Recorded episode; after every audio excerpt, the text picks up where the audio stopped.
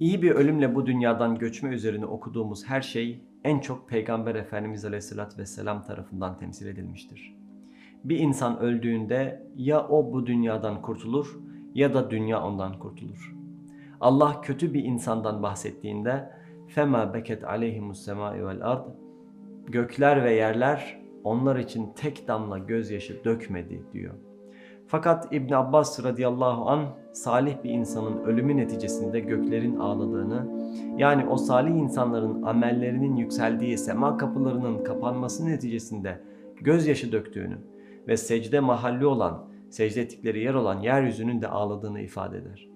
İşte Efendimizin bu diyardan ayrılmasına da bu gözle bakabiliriz.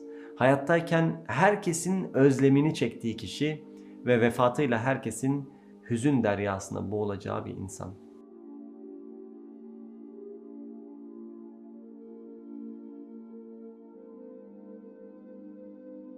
O dönemde Medine'de yaşasaydık tüm hayatımız Peygamber Efendimiz etrafında dönecekti sallallahu aleyhi ve sellem. Her an onun ne yaptığı hakkında düşünecektik. Acaba dikkatini çekebilir miyim, kendimi sevdirebilir miyim diye hayallere dalacaktık. Herkes onun en iyi arkadaşı olmak için birbiriyle dostane bir yarış içinde bulunacaktı. Ve bu hal 10 yılı aşkın bir süredir devam ediyor olacaktı. Efendimizin Medine'ye geldiği gün sanki yeni bir çocuk hayata gözlerini açmıştı. Onun gelişi bütün bir şehre ışık getirdi. Herkese yepyeni bir hayat verdi. Uhud Savaşı'nda bir sahne var. Müşrikler arasından birinin çıkıp Muhammed öldürüldü diye bağırması neticesinde sallallahu aleyhi ve sellem sahabeler kılıçlarını ve zırhlarını indirmiş ve eğer o öldüyse bundan sonra bizim yaşamamızın hiçbir kıymeti yok diyerek ağlamışlardı. Ve bu hissi onunla birkaç senelik bir birliktelikten sonra yaşıyorlardı. İşte böyle bir hissiyatla 10 yıldan fazla bir süredir yoğrulmuşsunuz ve Mescid-i Nebevi'de otururken acaba peygamber evinden çıkacak mı yoksa çıkamayacak mı diye endişe içinde bekliyorsunuz. Hazreti Peygamber odasında oturuyor ve çok hasta, ölüme çok yakın ve içinizde çok kuvvetli bir his var. Efendimizin ölmeyeceğini düşünüyorsunuz. Evet o bir insan ölüm kaçınılmaz ama bu hastalığı atlatacak.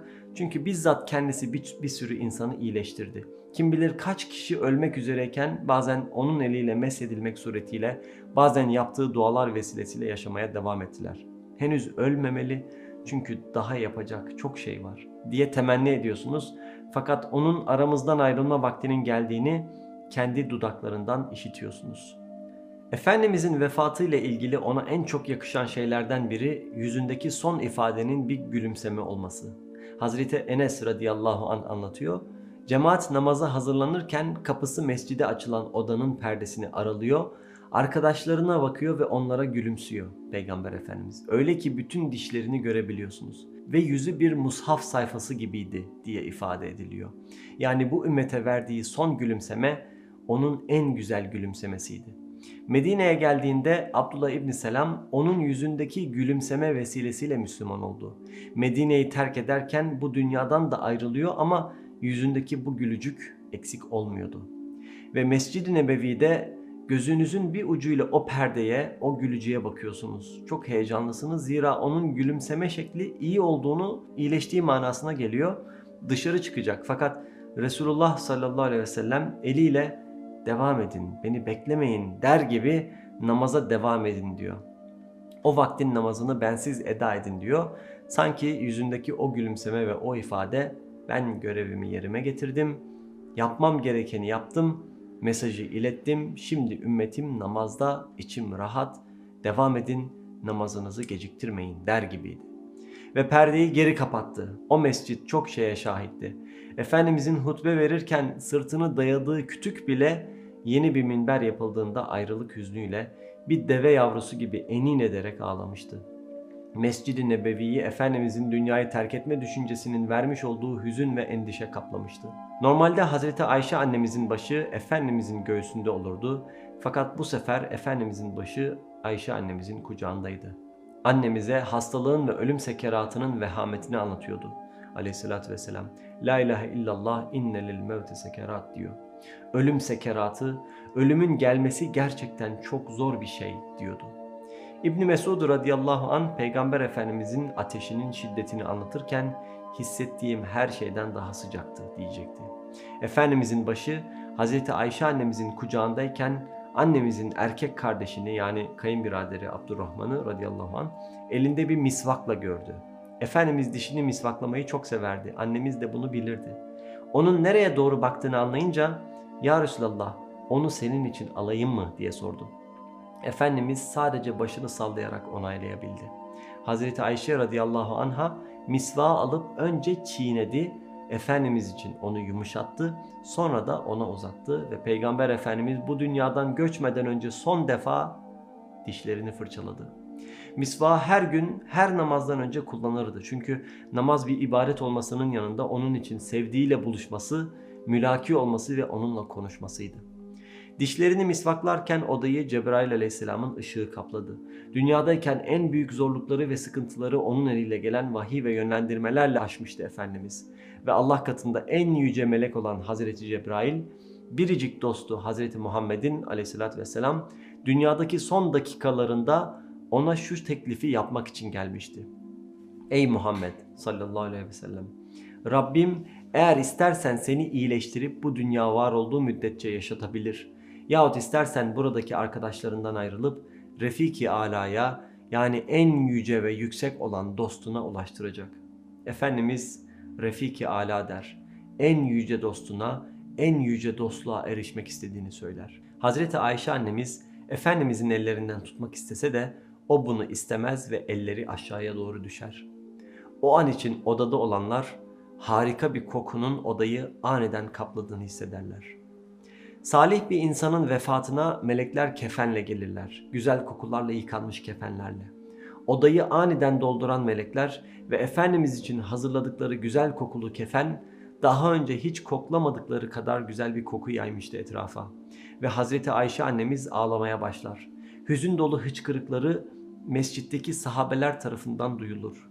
Mate Resulullah, Mate Resulullah, Mate Resulullah, Resulullah vefat etti, Resulullah vefat etti, Allah Resulü vefat etti. Mescitte oturanlar acaba perde tekrar açılacak mı diye gözlerini perdeye dikmişlerdi. Şaka olabilir miydi yahut Uhud'da olduğu gibi yanlış bir bilgi olabilir miydi? Bir benzerini orada da yaşamışlardı ama Efendimiz ölmemişti. Gerçek olamaz. Şimdi çıkacak kapıdan. Herkes gözlerini odaya dikmişti. Bazıları birbirine bakınıyordu. Mescidin farklı kesimlerinde insanlar hıçkırıklarla ağlamaya başlamıştı. Bazıları hala duyduklarını inkar aşamasındaydı. Etrafına bakındığında belagat sahibi, o çok güzel konuşan Hazreti Ali radıyallahu anh'ı dudakları kilitlenmiş olarak görürdün. Hazreti Osman'ı görüyorsun, Efendimizin damadı radıyallahu an çökmüş vaziyette ayağa kalkamıyor. Hazreti Ömer radıyallahu an kendinden geçmiş bir vaziyette mescitte kim Resulullah öldü derse yalan söylüyordur. Fitne çıkarıyorsunuz. Bu doğru olamaz. Tabii ki ölmedi. Resulullah birazdan o odadan dışarı çıkacak. Münafıklık yapmayın. Çıkacak Efendimiz o odadan diyordu. Ve içeriden yükselen Mate Resulullah, Mate Resulullah, Efendimiz Resulullah öldü inleyişleri mescitteki herkese bir diken gibi batmaya devam ediyordu. Sonra Efendimizin sadık dostu Hazreti Ebu Bekir ayağa kalkar ve kim Muhammed'e aleyhissalatü vesselam tapıyorsa bilsin ki Muhammed sallallahu aleyhi ve sellem öldü. Kim Allah'a kulluk ediyorsa, onu ilah ediniyorsa fe innallaha hayyun la yemut. Allah diridir ve daima hayat sahibidir.